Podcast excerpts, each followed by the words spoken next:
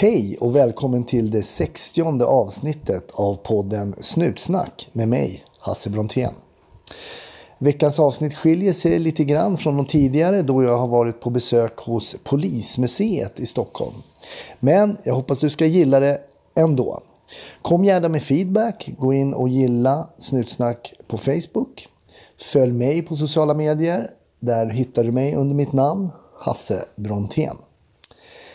Innan vi drar igång så skulle jag vilja passa på att be om ursäkt lite för den ljudkvalitet som jag presenterar under det här avsnittet. Det blev någonting vaj med ljudet och jag vet inte riktigt vad det beror på. Så eh, sorry för det. Hoppas du kan ha överseende med det så lovar jag att förbättra mig till nästa vecka. Och nu säger jag som jag brukar säga, vad det än är, var försiktig där ute och ha en trevlig lyssning.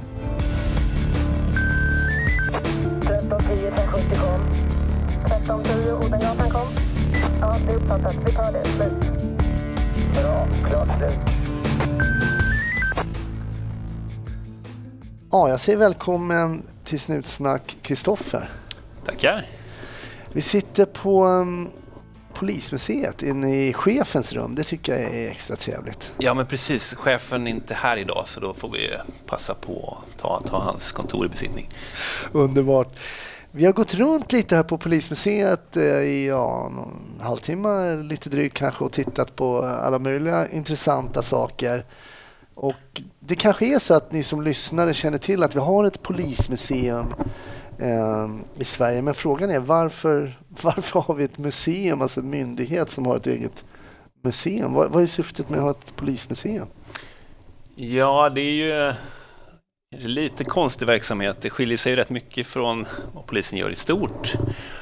Å andra sidan så har ju ganska många myndigheter har ju ett museum. Ehm, men, men eh, och Polismuseet har ju egentligen alltid funnits, och med alltid menar jag ungefär ja, eller drygt 100 år. Ehm, men sen 2007 så har vi flyttat från det stora eh, polishuset Kungsholmen till lokaler ute på Gärdet. Och då har vi också bytt inriktning och har eh, ett museum som är öppet för allmänheten eh, med fokus mot barn och unga, då, alltså 5 till 19-åringar för att liksom möta allmänheten eh, genom museiverksamhet. Och museet som fanns innan var ju en sån här intern angelägenhet som var liksom för utbildning för poliser mycket och det var lite kuriosa kabinett med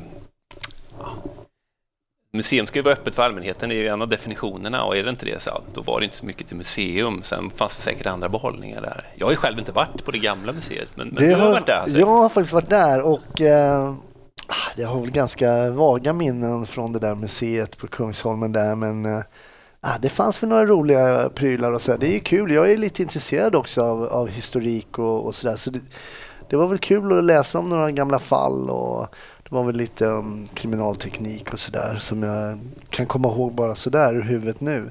Men när vi har gått runt här idag så måste jag säga att det här känns ju betydligt mer pedagogiskt uppbyggt och jag kan tänka mig att det kanske var några poliser som satte ihop det där där uppe och här kanske man har jobbat lite mer med någon form av museipedagogik. Vad har du själv för utbildning som jobbar här på museet? Um, alltså vi som jobbar på Polismuseet vi är civilanställda och vi har ju någon form av museibakgrund eller lärarbakgrund.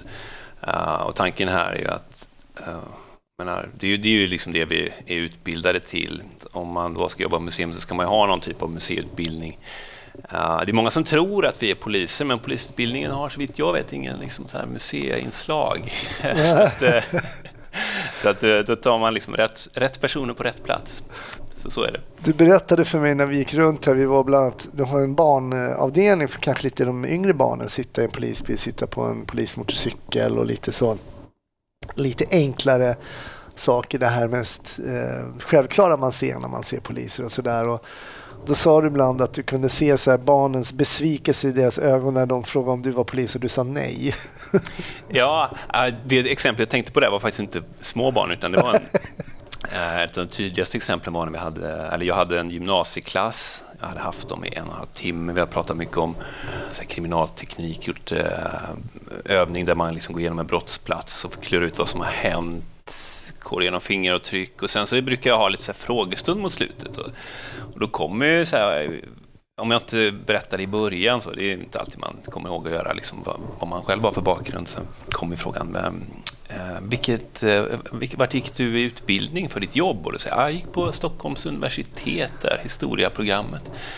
Jaha, kan man läsa till polis på Stockholms universitet? Nej, nej, nej, jag är inte polis. Och då liksom såg jag såg jag liksom besvikelsen i deras ögon. Allt han har sagt är en lögn ungefär. Uh, vilket det självklart inte var. Uh, men, men de hade liksom levt med den uppfattningen. Uh. Och det kan jag ju säga, uh, det är inte så ofta det händer, men om man får in en lite stökig klass, då kan det kanske vara på, eh, på sin plats inte nämna att man inte är polis. Låta dem tro det. Okay. Sen när de frågar då får de ju givetvis, kan man inte stå och ljuga. Liksom. Då kan man kanske använda det lite för att liksom styra upp om det är stök och de inte lyssnar och sådär. Men äh, det, det, det är ett litet knep som äh, som man använder sig av ibland, men in, inte till vardags. Hur ser den genomsnittliga besökaren ut här? Vad får ni för, för besökare här på dagarna? Den genomsnittliga besökaren är, äh, det är en skolklass och det är 6-7 år uppåt. Um, så att de flesta som kommer hit på veckorna är det skolklasser um, och SFI-grupper, svenska för invandrare. Okay. Väldigt mycket svenska för invandrare här. Då, och de får då liksom komma hit och lära sig om svensk polis. Um, det är ju inte alla länder som har en uh, bra polis, om man säger så. så det gäller, här handlar det om att bygga förtroende, liksom, att de ska förstå att ja, men, i Sverige så är det liksom, du behöver inte betala polisen för att de ska göra att de ska hjälpa dig eller sådär. Eller liksom, uh, polisen måste också följa lagen, de kan titta på egna lagar. Och så. Vad kan du få för reaktioner där? Då? Jag tänker man kommer från, en, från ett, kanske ett land där ja, man kanske inte behöver dömas baserat på eh, superstarka bevis till exempel? Och... Ja, alltså nu, nu, nu jämför jag ytterligheterna här. För jag menar, det, det kan ju folk som kommer liksom inflyttade från liksom, eh, Europa och sådär. Men eh, jag har ju hört eh, historier om eh, att man kan få en smäll på käften om man frågar om liksom, vägen till torget och sådär. Eh, att, eh, att, man måste betala poliserna. Eh, Det är mer alltså, man, och så får man också höra att de gillar svensk polis. Liksom. Många har ju liksom tråcklat sig igenom halva Europa, uh, minst. De kanske kommer från, från liksom en bra bit långt bort och liksom fått uh, färdas och blivit ganska dåligt behandlade av polisen. Men, men de liksom säger att ja, men här i Sverige så ja, det var korrekt och bra skött och så. Det är, det är ju väldigt trevligt att få höra mm. det. Liksom. Mm. Och än så länge har jag inte hört någon motsats, så det är ju super, superbra. Liksom. För det är ju, man kan ju se att museet är ämnat för då, eh, de unga, de yngsta då, som om, om du, du säger 5 till 19, eh, där det är väldigt enkelt och lättförståeligt och sådär. Man kan latcha själv och trycka på lite knappar och sådär. Till utställningar då, en trappa upp som vi var och tittade på, där man då verkligen vänder sig mot de som kanske är mer unga vuxna än fortfarande barn och där det kanske blir lite mer diskussioner kring polisen, polisens roll. Så det är ett ganska brett spektrum här som ni har. Ja, ja men det, polisen är ju, är en bred verksamhet. Mm. Uh, och vi får försöka liksom täcka in så mycket som möjligt. Ehm, för att, men en grej som jag tänker mycket, alltså, vet man inte vad polisen är och vad polisen gör och sen ser polisen ute på stan göra saker som de har stöd i lagen till och det finns liksom skäl för det. Och tro, om man då är liksom, har uppfattningen att, att polisen gör fel, man är liksom inte informerad om uh, vad polisen får och inte får, får göra, men då kommer man uppfatta polisen som en ganska dålig eh, institution. Mm, mm. Förstår man varför polisen gör som de gör, ja, då är ju risken, eller då är det ju liksom chansen att man har förståelse för polisen mycket större. Mm. Um, så, och det här är ju lite ett demokratiprojekt i sig, liksom, att uh, man liksom ska förstå hur samhället fungerar i övrigt. Polisen brukar liksom följa samhällets utveckling. Det, det är en sån där klyscha, men den är ju sann också. Mm. Men om vi tittar lite, nu är vi ändå på, mm, på Polismuseet, om vi tittar lite på svensk polis och rent historiskt. Eh, när, när började vi ha poliser i Sverige och, och hur, hur, långt bak i tiden måste vi backa för att se någon form av organiserad polisverksamhet? Uh, vi tar avstamp från 1850 här på Polismuseet. Ehm, och det är ju inte det att det inte fanns behov av funktioner som höll ordning och reda på stan och sådär. Men um, det är då man inrättar en poliskår och då är man först här i Stockholm. Mm. Uh, man anställer 350 unga män, ungefär 350 unga män som är mellan 20 och 30 år gamla. De ska kunna läsa och skriva, de ska vara resliga och starka. Sen får de tre dagars utbildning och sen är de ute och jobbar. Eh, det tycker jag låter alldeles lagom. Du ska vara mellan 20 och 30, kunna läsa och skriva och vara reslig. Ja, precis. Det är de första vi kan se, alltså den första samlade gruppen egentligen när man alltså har haft någon form av eh, rekrytering. Då, eller? Ja, och man har ju haft funktioner innan som har skött polisarbete, men de har ju, det har ju till exempel varit soldater och de är ju inte poliser, de är soldater. Mm. Uh, man har haft uh, brandvakter Mm. Och det hör man ju på namnet vad de har ägnat sig åt. De har liksom gått runt i städerna och kollat så att eh, det inte brinner. Eh, eftersom man byggde städerna i trä och värmde upp träkåkarna med att elda i dem så fanns det ju alltid den risken. Och, mm. så att de, och då höll de i ordning på stan samtidigt som de gjorde det. Men eh, mitt på 1800-talet så hände det ju det är två anledningar kan man säga. De hänger ihop väldigt mycket. Alltså städerna växer, Stockholm växer. Ökad anonym brottslighet. Det blir liksom svårare att hålla ordning på stan. Mm. Uh, ju, ju, mer människor som flyttar in. Och anledningen till att de flyttar in jo, men det är urbanisering och industrialisering. Och då växer också underklassen och det ses som ett hot mot uh, alltså rådande ordning. De vill ju ha bättre villkor och bättre lön och sådär. Då behöver man ett, vad ska man säga, ett instrument för att hålla underklassen i schack. Um, och det är ju inte det kanske det härligaste alternativet att man startar en poliskår. Man har ju gått ifrån det där nu sen vad ska man säga, 50-60 år sedan. Liksom. Man ser, nu ser man ju polisen mer som en service till medborgarna. Mm. Uh, men ursprungligen var det inte bara en service till medborgarna. Det var att hålla koll på uh, människor helt enkelt? Då. Precis, och inte bara vad ska jag säga, brottslingar. Då. Um... Hur utvecklades det här då från, uh, om vi tittar 1850, man man har de här 300-350 personerna som ska gå runt i Stockholm och hålla lite ordning på människor. Hur, hur går det vidare? Eh, jag kan ju säga att det gick inte så bra i början, men så är det ju alltid med ny verksamhet för att alltså, tre, fyra, fem år efter att de här 350 herrarna har fått anställning så hade i princip alla slutat. Liksom. En enorm personalomsättning, dåliga löner. Mm. Uh, så det har inte förändrats i alla fall? Nej, det är tyvärr då en uh, en konstant. Um, vi får väl hoppas på förändring där i alla fall. Mm. Um, och uh, otacksamt arbete. Många fick faktiskt också sparken på grund av att de var fulla på jobbet. Um, och nu ska vi ju inte, vad ska man säga, uh, ge de här poliserna mer kritik än några andra egentligen, för alla var fulla på jobbet vid den här tiden. Eh, men just att poliserna inte fick vara det, det är ju lite orättvist. Sen är det ju fantastiskt bra om man inte är full på jobbet. Men det här, man får liksom försöka sätta sig in hur det var att liksom jobba och leva på 1800-talet för att förstå det här. Mm. Liksom. Um, men sen, alltså, det, och det här var ju baserat, det var ju fotpatrullering då, liksom. Mm. fram till uh, fotpatrullering egentligen fram till kanske 40-tal. Uh, och det fortsatte egentligen vidare. Det var inte så många som fick bilar och så efter 40-tal, 1940-talet. Nej. Den stora förändringen efteråt då, nu gör vi ju väldigt ja, nu är det nästan 90 år fram. Ja, precis. Um, så det är kanske lite smått opedagogiskt. Men det, det är ju eh, förstatligandet 1965. Dessförinnan var ju alla poliser, eller vad säger, varje kommun hade sin egen poliskår. Just det. det var lite som i USA där, de har ju mm. 15 000 polismyndigheter. Vi har, vi har ju en numera. Ja, just det, precis. Men um, när man förstatligade polisen så innebar det också att då fick ju liksom alla kommuner mycket bättre, äh, alla poliser möjlighet att uh, utrusta sig själva. Just det. Uh, det berodde lite på kommunerna innan om man kunde få en bil eller två bilar eller en bil som gick att köra och sådär.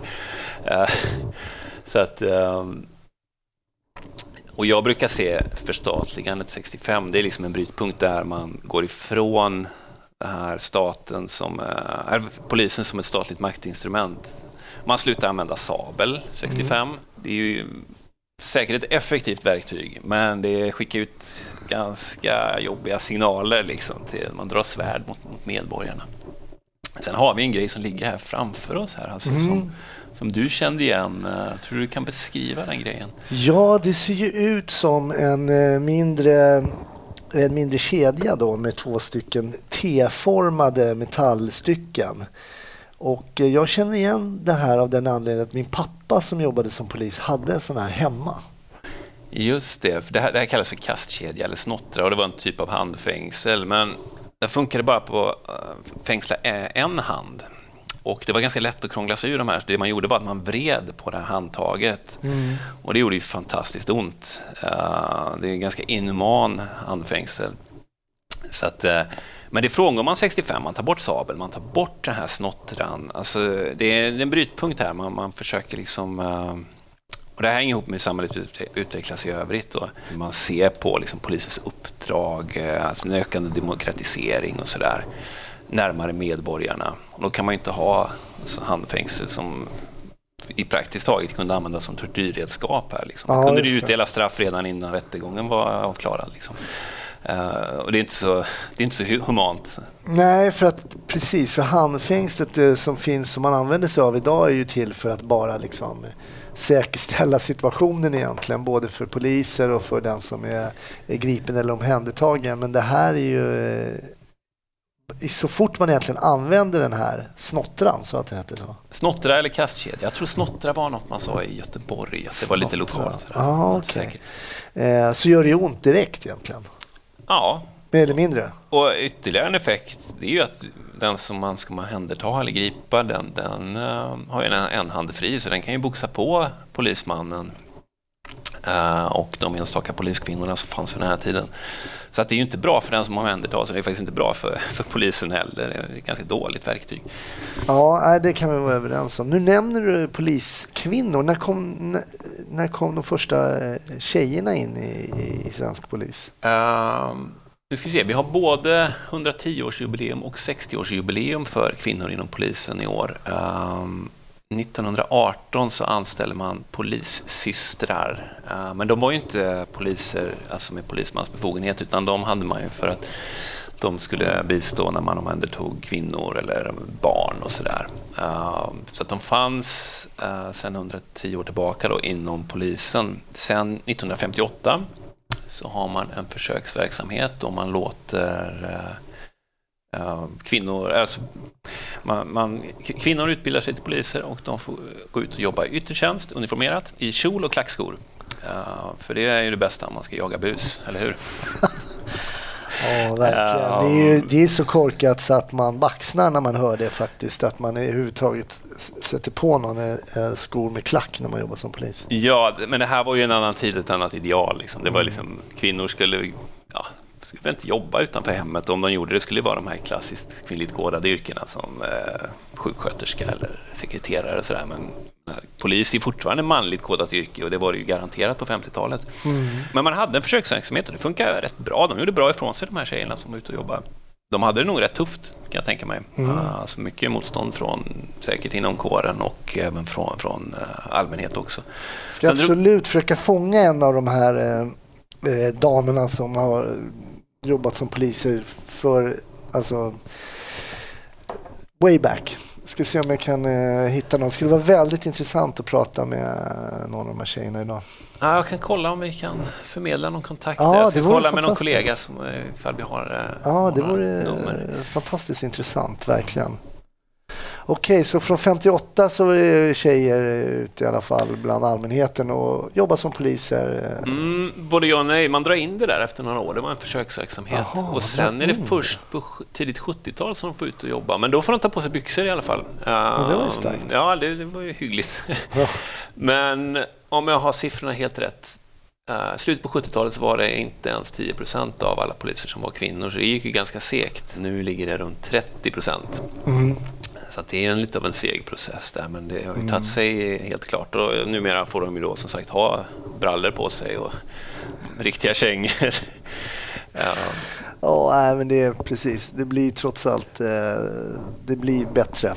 Eh, man tänker, och det som är eh, så tydligt när vi går runt på museet tycker jag och som man kanske ibland glömmer bort för att det är ju den otroliga tekniska utveckling som har skett, alltså bara om man tittar Ja, egentligen också sen jag började jobba som polis 88 där man tyckte att allt var väldigt tekniskt. Men bara backar ytterligare 20-30 år så har det ju skett liksom otrolig utveckling. Titta på de fordon ni har här inne till exempel. Eh, vad är det? Svarta Maja? Just det, det är en piketbil från 30-talet. Stor, eh, stor pjäs. Jag tror jag rymde nio, nio poliser tror jag. Mm. Det, är, det är väl lite så här, finns i folks medvetande, Svarta Maja, just det, polisens piketbil. Mm. En lite kändis. Men det har ju blivit bättre för alla inblandade att både jobba som polis och att ha med polisen att göra. I vissa fall jobbigare också eftersom polisens hjälpmedel också gör det lättare ibland att gripa folk och att ingripa mot folk. Ja, men det hoppas vi ju. Det är dumt att ha grejer, eller det är bra att ha grejer som, som eh, underlättar för det. Annars är det ingen idé att ha grejerna. Liksom. Mm. Och vi kan också se när vi går runt här att folk får skriva liksom sina egna tankar och kring vad, vad borde polisen förbättra och det var ju både högt och lågt där uppe på anslagstavlan. Ja, just det. Men vi har en liten sån förslagslåda, ehm, eller förslag, ja, en förslagslåda och så kan man även tejpa upp sina lappar. Det är en eh, utställning som vi har om hatbrott eh, och då är det en del som skriver om eh, liksom just hur man kan förhindra och motverka hatbrott i samhället. Men sen tar det sig en del Uh, se lite större perspektiv och liksom allmän kritik och ris och ros till polisen och så. Mm. Men som, som du sa, där, det, det roligaste är ju barnens förslag. Liksom. De kan vara ganska festliga ibland. ska, uh, och en del ganska brutala förslag från barnen också. Ska säga. Ja, det är så. Ja, vad var det? Det var någon som tyckte man skulle spruta tårgas i ögonen på tjuvarna. Maja, åtta år, något åt det där hållet. Uh, det, kanske, det, det, var lite gulligt, men också ganska brutalt. Ja, ja precis. Man ser ju också att verkligheten är brutal och det ser man också eh, bitvis på era utställningar. Till exempel Kronans skola, det var ju Trollhättan va? Ja, men precis. Eh, det här eh, skoldådet och attacken på Kronans skola. Eh, det är väl en av de nyare grejerna vi berättar om. Som sagt, vi har en utställning om hatbrott som vi, med, som vi har byggt för att liksom medvetandegöra vad det är och liksom hur det kan förhindras. Vilka uttryck det kan ta också. Det är det liksom mest brutala uttrycket av ett, av ett hatbrott. Att man liksom Mm. mördar andra människor för att man ja, inte gillar deras hudfärg eller deras kultur. Och där kan man höra också, vilket jag gjorde när jag gick runt här på museet. Jag lyssnade på det autentiska eh, nödsamtalet från skolan. Där en eh, lärarinna ringer till 112. Ja, precis. Och eh, det är ju ja, men det är ganska chockerande. Man hör eh, smällar av eh, antagligen polisernas vapen i bakgrunden och rädslan av skrikande elever i bakgrunden. Och så, här. så det är ju verkligen eh, polisarbete när det är i, till sin ytterlighet när man pratar till exempel om, om det här på Kronans skola. Vad, vad får ni för reaktioner från för de flesta går ju i skolan som, eh, som är här och besöker. En sån sak borde ju verkligen liksom... Och det kanske finns kvar i minnet också hos eh, studenterna. Ja, men precis. Vi, vi har ju, eh, det här är ju främst för högstadie och gymnasieelever ska undersöka, och vuxna, den här utställningen. Men vi märker ju att om man pratar om historiska fall som kanske hör lite till allmänbildning och har koll på, ja, säg Norrmalmstorg eller något sånt där. Det, det har man oftast inte koll på när man är 15-16 år. Ehm, men om vi pratar om Kronans skola och sådär, det, det har de färskt i minnet. De kan relatera till det liksom, i och med att de själva går i skolan. Så, um, och det här är ju tungt och hårt liksom, och det är ganska svårt att prata om. Men det är också viktigt. menar, det här är ju Polismuseet. Vi, vi ska ju liksom ta de svåra frågorna också. Vi kan inte bara berätta om eh, gamla fall ja, som är ska man inte nedvärdera gamla fall, men vi ska liksom ha ett ganska brett spektra på, på vad vi pratar om. Mm. Även om gamla fall kan vara jätteintressanta ur liksom historisk synpunkt också, men också gamla fall gör ju att nyare fall löses eller eh, man löser nyare fall baserat på gamla fall och blir bättre. Ja, men precis. Så är det ju med ja, ackumulerad kunskap. Uh, anledningen till att vi är där vi är nu är för att vi har kanske gjort misstag eller lärt oss av liksom, tidigare händelser. Du nämner eh, Norrmalmstorgsdrama till exempel där ju det är ju ett vedertaget begrepp, eh, Stockholmssyndromet, som ju tillkom eh, efter det, den, eh, det dramat när man rånar banken där på, på Norrmalmstorg. Ja, men precis. Och det är mitt favoritfall. Och det, det, liksom, det säger ganska mycket om uh, dels om 70-talet, liksom, när, det, när det inträffade. Och sen är det en historia som har allt. Um, jag kommer ihåg när jag var färsk här på Polismuseet så hade jag inte haft så många visningar, alltså lektioner. Uh, jag hade egentligen bara haft visningar för, för uh, under sommaren och de som kommer hit på sommaren det är ju det är folk som kommer hit av egen fri vilja och det är ganska lätt att visa. Jag menar, det kommer in en familj och så vill de veta mer om polisen och sådär. Men sen så blir det ju liksom helt plötsligt höst och då ska jag bara ha visningar för skolklasser. Jag hade inte haft så mycket innan. Och uh, första skolklassen märker direkt att den är ganska stökig. Jag är orutinerad. Um, och jag får inte riktigt ordning på det här. Liksom. För jag har inte riktigt den erfarenheten med den här tiden. Jag tror det går 15-20 minuter och det blir, det blir liksom inte bättre. Och så till slut så bara, nej, nu får ni, nu får ni lyssna upp här. Nu får ni lyssna här. Nu gör vi så här, va? nu ska jag berätta en historia som handlar om bankrån, det handlar om storpolitik, det handlar om eh, liksom, eh, svår psykisk press, om hur polisen kanske, eller klantar till det. Men då får ni faktiskt ta och lugna ner er. Och så fick jag med alla kidsen upp till, till en um, då hade vi en annan utställning som hade mer grejer än Norrmalmstorg än vad du såg idag. Mm. Och fick alla titta ner och så började jag berätta det här. Det blir liksom en sagostund och då satt som små ljus för att den här historien är så tacksam. uh, vet inte om vi hinner snacka, liksom dra igenom Norrmalmstorgs drama snabbt och Det finns ju massa om Norrmalmstorgs dramat. Men jag tror nog att det är många lyssnare som inte kanske känner till Norrmalmstorgs dramat och så berätta gärna uh, ja, för att kanske locka hit några och ja. berätta lite om det här dramat. Vad var det egentligen som hände? Ja, men det här var, nu ska vi se, det var den 23 augusti 1973. Precis efter öppning på uh, Kreditbanken på Norrmalmstorg i Stockholm så kliver in en man med en peruk på huvudet och en k-pist i näven.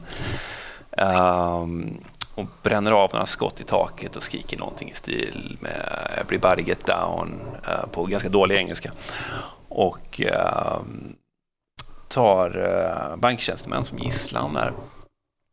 Ehm, de trycker på larmknappen då, det kommer en polispatrull dit, det blir skottlossning. Ehm, och samtidigt som det här sker, då, liksom, det här initiala skedet, så så ligger vår gamle kung Gustav VI Adolf, han ligger för döden. Han är så gammal och skröplig liksom, så att han är på väg uh, bort. Vilket har gjort att det ligger mycket media standby i Stockholm för att rapportera om att kungen är död. Så får de då höra att aha, det är gisslandramat Norrmalmstorg, ja men då kan vi ju självklart rapportera om det. Uh, så det är mycket journalister på plats från början. Och den här bankrånaren framför uh, lite krav. Han vill ha en eh, fulltankad bil. Uh, vilket han får. Polisen försökte ge honom en Volvo, men han nöjde sig inte med Volvo. Han ville ha en Ford. Han fick en Ford Mustang. Uh, eh, han vill ha tre miljoner i cash. Hälften utländsk valuta, hälften svensk valuta.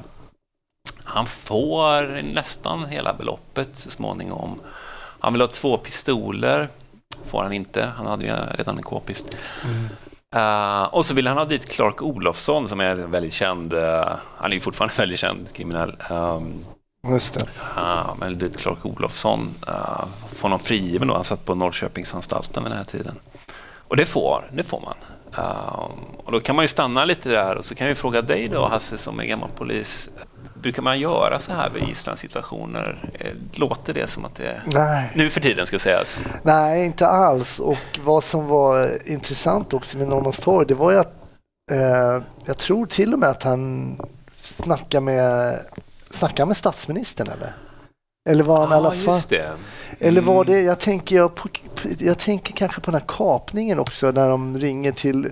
För vad, som, vad man pratar om i förhandlingssituationer att den som då har till exempel tagit gisslan eller ska ju aldrig få prata med den som sitter högst upp i, i kedjan för att man måste ju alltid liksom stall some time. Just, just. Ja, men vi kommer till det. Vi kommer till det. Jag tänkte ja. med bara få in här att uh, ganska ja, med facit i hand, så här, så här gör man ju inte idag. Liksom. Att man Nej. får dit en dömd, menar, Clark Nej. Olofsson, han, han var ju medbrottsling vid ett polismord 1966. Liksom. Det, är inte, Mm. det är inte en härlig kille rakt av.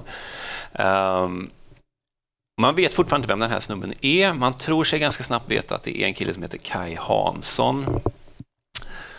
Och eh, då hämtar man upp Kaj Hanssons 17-årige bror från Lund. Så han ska, skickar man in honom i, liksom i banken för att snacka vett med sin brorsa. Då. Kaj Hanssons bror är ju lite så här, men är ni säkra på att det är min brorsa? Ah, ja, jajamän, in med det nu. Skickar in honom, han blir beskjuten. Blir inte träffad, springer ut. Bara, Herregud, han sköt ju mot mig, det kan inte vara min bror. Jo, jo, du får gå in en gång till och så visa, visa dig mer så att, de se, så att han ser att det är du. Han går ju in en gång till då, efter mycket övertalande. Och blir beskjuten en gång till. Inte träffad som tur är, springer ut. Och är i upplösningstillstånd såklart, det är fullt begripligt. Och då ringer ju den här, ringer, jag kommer inte ihåg, man ringer eller skriker ut. Liksom, äh, Nej, ni kan lägga av, jag är inte Kai. Men Kai Hansson, han sitter på Hawaii. Han är ju på rymmen.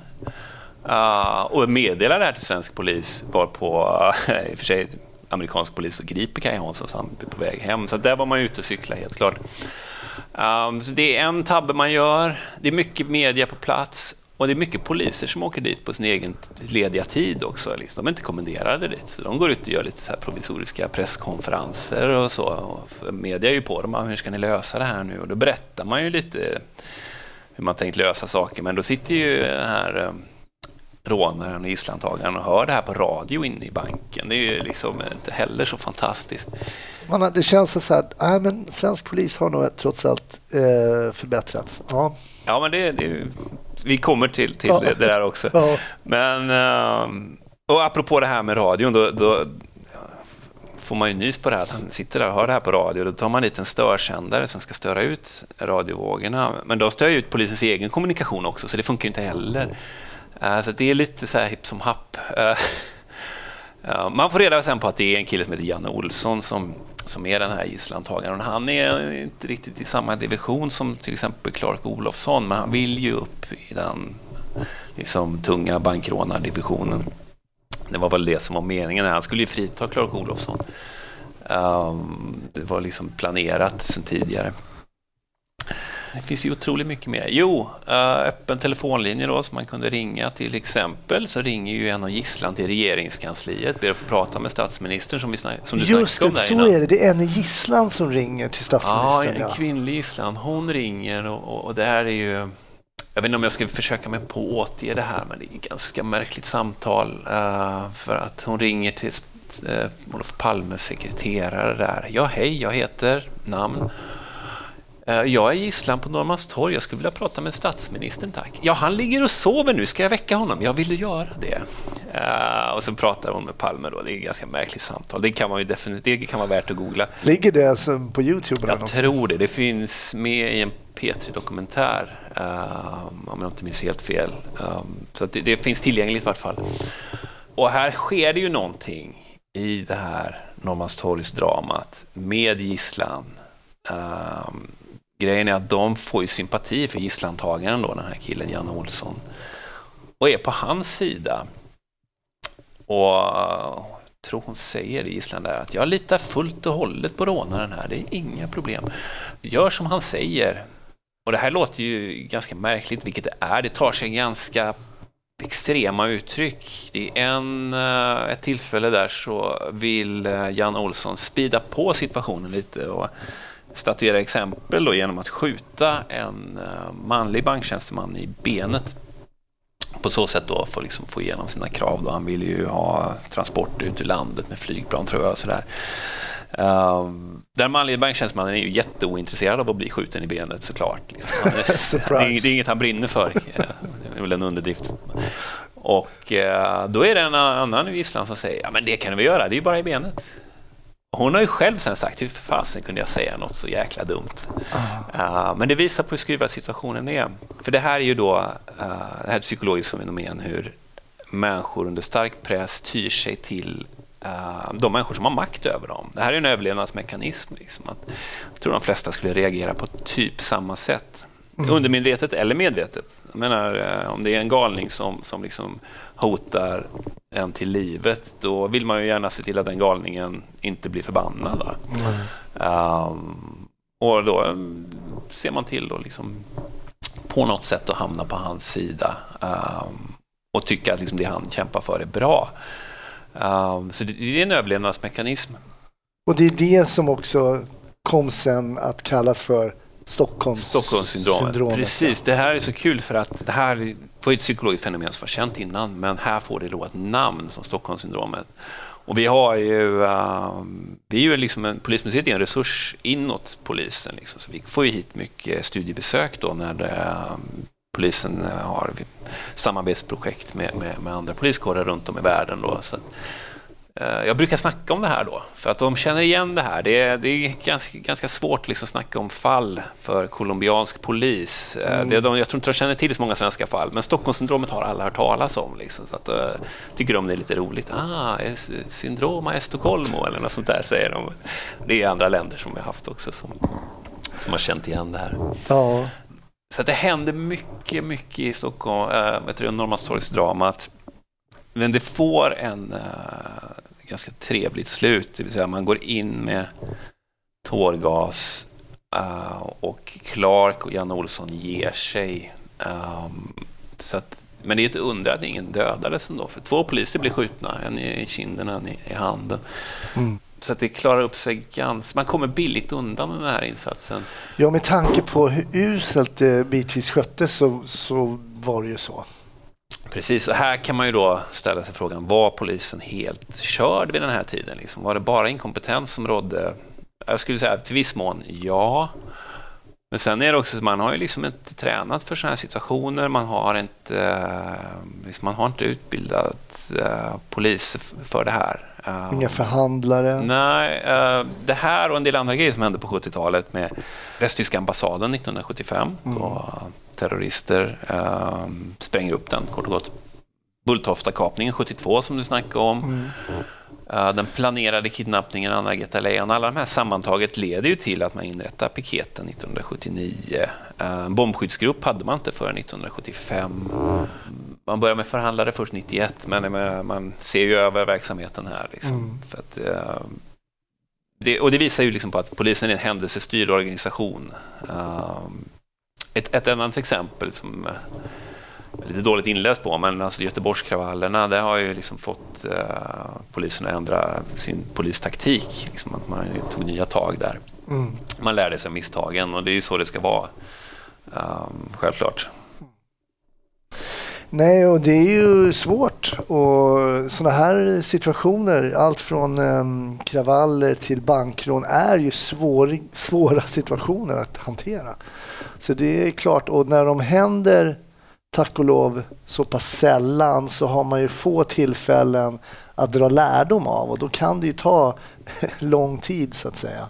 Ja, nej men precis. Sen är ju helt en annan grej, men jag tycker här, behållningen med att jobba på ett polismuseum, eh, eller en av behållningarna ska jag säga, Mm. är att man sitter ju också med facit i hand. Det är lätt att vara efterklok. Liksom. Eh, det, det går ju liksom inte att köra samma race med någonting som kanske hänt för ett par månader sedan. Så där, liksom. Men här, här, kan man, liksom, här, här har man liksom effekterna av vad, vad Norrmalmstorgsdramat har, har inneburit. Det vet vi nu. Liksom. Mm. Och det det är ganska bra att kunna liksom, eh, Eh, ha den klarheten. Det är, jag har svårt att tänka mig att man kanske har alla gånger liksom, ute i polisyrket om vad har en det ena och en det andra- inneburit. Nej, man har ju inte det på plats riktigt. Och sen så är ju, det finns ju en tendens, människor är ju väldigt duktiga poliser. Eh, de som inte är, polisutbildade efteråt så att säga, hur man skulle ha gjort och hur man ska gå tillväga och så. Det har man ju fått höra många gånger. Eh, vad polisen skulle ha gjort och hur en del människor tror att de själva skulle ha reagerat och så. Men det är rätt intressant med det att ibland så kanske man inte alltid reagerar som man tror och särskilt om man inte är utbildad för sådana här uppgifter. Jag ser att du har lite andra små Ja. eh, prylar Ja, här lite på bordet. Vad är det för någonting Kristoffer? Ja, men vi kan ta... um, Jag har en... uh, Vi kommer inte öppna den här. Det är en genomskinlig plastpåse som jag har här med, Mm. med lite rep i. Kort och gott. Det här är ju från Norrmalmstorgsdramat. Alltså det är det? Ja, för du ser, sen har vi en bild här och det är inifrån banken. Uh, polisen borrade ju upp ett hål i bankvalvets tak och skickade ner en kamera. Just det. Så de här repen är samma rep, eller samma snaror som du ser här på den här bilden. För här hade ju då Jan Olsson tänkt att sätta de här snarorna runt halsen på gisslan Just det. ifall polisen skulle gå in med någon typ, de hade någon typ av bedövningsgas. Grejen är att hade de gått in då så hade ju gisslan hängt sig själv. Så det är en ganska djävulsk lösning på det här med att hindra polisen från att gå in med bedövningsgas. Och jag tänker bara praktiskt då, man sänkte ner en kamera till exempel, sen Idag hade man bara tittat direkt på skärmen på eh, mobilen och tänkt jaha, jo men det stämmer, men det här ska ju framkallas. Ja, just det. Ja. Eh, Ja, det har inte jag tänkt på. Det måste ju ändå... det, det, jag menar, det här är ju flera timmar innan du kan få den här informationen till dig. Du sänker ner kameran, du har ingen aning om och sen måste det här springa iväg till något labb. Måste för ju att, haft något mobillabb. Det har jag faktiskt inte koll på, men det, det där är ju en sån där... ja, men det är bara en sån tidstanke som Ja. jag har. Att liksom idag så bara klick, klick, klick så bränner man av en 20 bilder och så ser man att ja, han har snarare nere där. Men det kunde man inte göra på den tiden.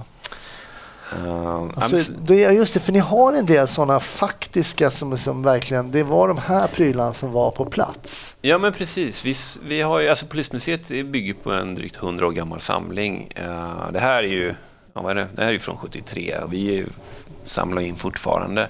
Mm. Eh, jag menar, anledningen till att vi kan eh, visa upp det vi har, det är ju för att någon har samlat in tidigare och då måste vi samla in numera också. Då, så att, Mm.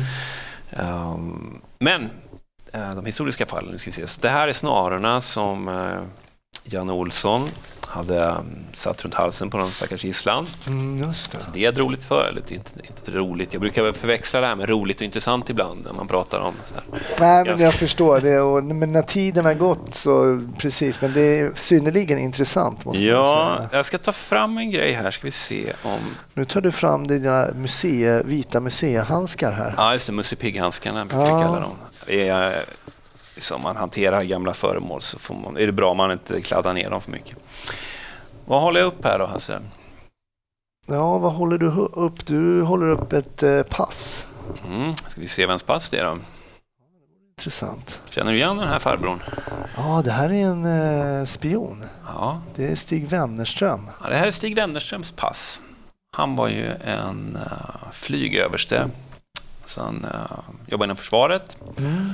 Och eh, under 15 års tid ungefär så sålde han ut eh, stora delar av försvaret till Sovjet- Sovjetunionen och han kneps 1963. Och det här är hans... eh, Det är hans... Ja, det här är hans pass. det är det är hans, hans riktiga pass. pass. Ah. Så det är hans riktiga pass och då har man liksom lite olika stämplar här. Då. Han har, eh, på, på ryska en del. Det ingick ju hans tjänst att resa till Ryssland. Så. Eh, men så att hans pass, egentligen inga konstigheter. Jag har en annan grej som Stig Wennerström uh, använde liksom i sitt, i sitt värv då som spion för Sovjet. Det. Är ju den här lilla Minox-kameran. Det är vad man brukar kalla, jag tror allmänt kallas för spionkamera. Mm, Grejen är att det här är ju, en, det här är ju ute på öppna marknaden. Liksom. Det kunde man ju köpa som privatperson. Men det här var en liten, liten kamera och då förstår man ju liksom nyttan med att ha den om man är spion. Då. Mm. Så att här har han väl säkert använt till att eh, fota av en hel del dokument och sen vidarebefordra film och så till, till sina... Och den här, måste ju, den här är ju extremt liten för sin tid. Alltså. Är Ja, precis. Att, Ehm, hur fasen får man plats med filmrullen? Ja, Eller alltså, Det är väldigt små filmrullar, har Ja. vi här och det är nästan lite så gulligt. Ja, jäklar. Den där var ju väldigt liten. Ja. Precis. Spionrullar. Så det här är sådana här prylar vi har. Just nu har vi en helgvisning om Stig Wennerström och Okej. liksom hans karriär. Vi kan väl säga så här, vi ska väl inte avslöja allt ni har här på museet. Eh, Det som fick mig att eh, höra av mig till er, det var ju det att Ann, som var gäst eh, tidigare i Snutsnack, som kommer vara 50 år när hon tar polisexamen, fick upp intresset och att liksom idén att verkligen slänga in en ansökan efter hon hade varit med en skolklass på Polismuseet. Just det. Så att ibland är det inte bara studenterna eh, som går här som kanske får en tanke på att liksom, ja, polisyrket vore något för mig, utan ibland är det även lärarna. Precis, ja, vi, har ju, vi är ju en liten del av det här med rekrytering. Vi har rekryteringsträffar här. Men det här är ju liksom syftet med polisen. Alltså, vi ska ju nå ut och berätta om uh, polisen, polisens historia, polisens verksamhet och uh, bidra till rekryteringen. Mm. Uh, som, jag vet inte om jag har nämnt det innan i, i podden, men det ska ju anställas 22 000 pers inom en sexårsperiod inom polisen och då ska så jag brukar prata mycket med gymnasisterna här. Vad har ni för planer eh, efter visningarna? Så här, vad ska ni göra när ni är klara? kan mycket väl hinna bli poliser inom den här sexårsperioden. Ja. Um, helt klart. Spännande. Jag hoppas att vi har eh, tänt ett litet intresse eh, för eh, lyssnarna att kanske göra ett litet besök här. Och då ska jag fråga, när ska man smita in på Polismuseet när det är liksom som lugnast då? Om man inte vill vara här när det är så här jättecrowded med ungdomar. När har du det som lugnast? Uh, nej men det är nu på, på, uh, på veckorna. Vi är öppet tisdag till uh, alla dagar utom måndag då.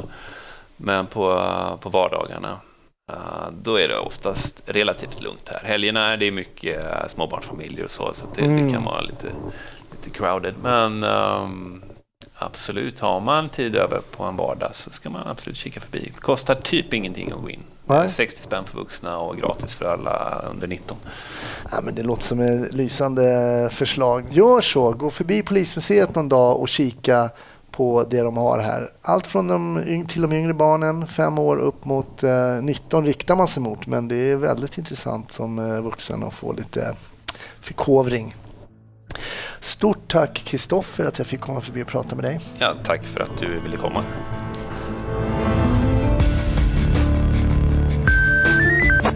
Tack för att du ägnade tid åt att lyssna på ytterligare ett avsnitt av podden Snutsnack. Följ oss på Facebook, följ mig på sociala medier under mitt namn Hasse Brontén.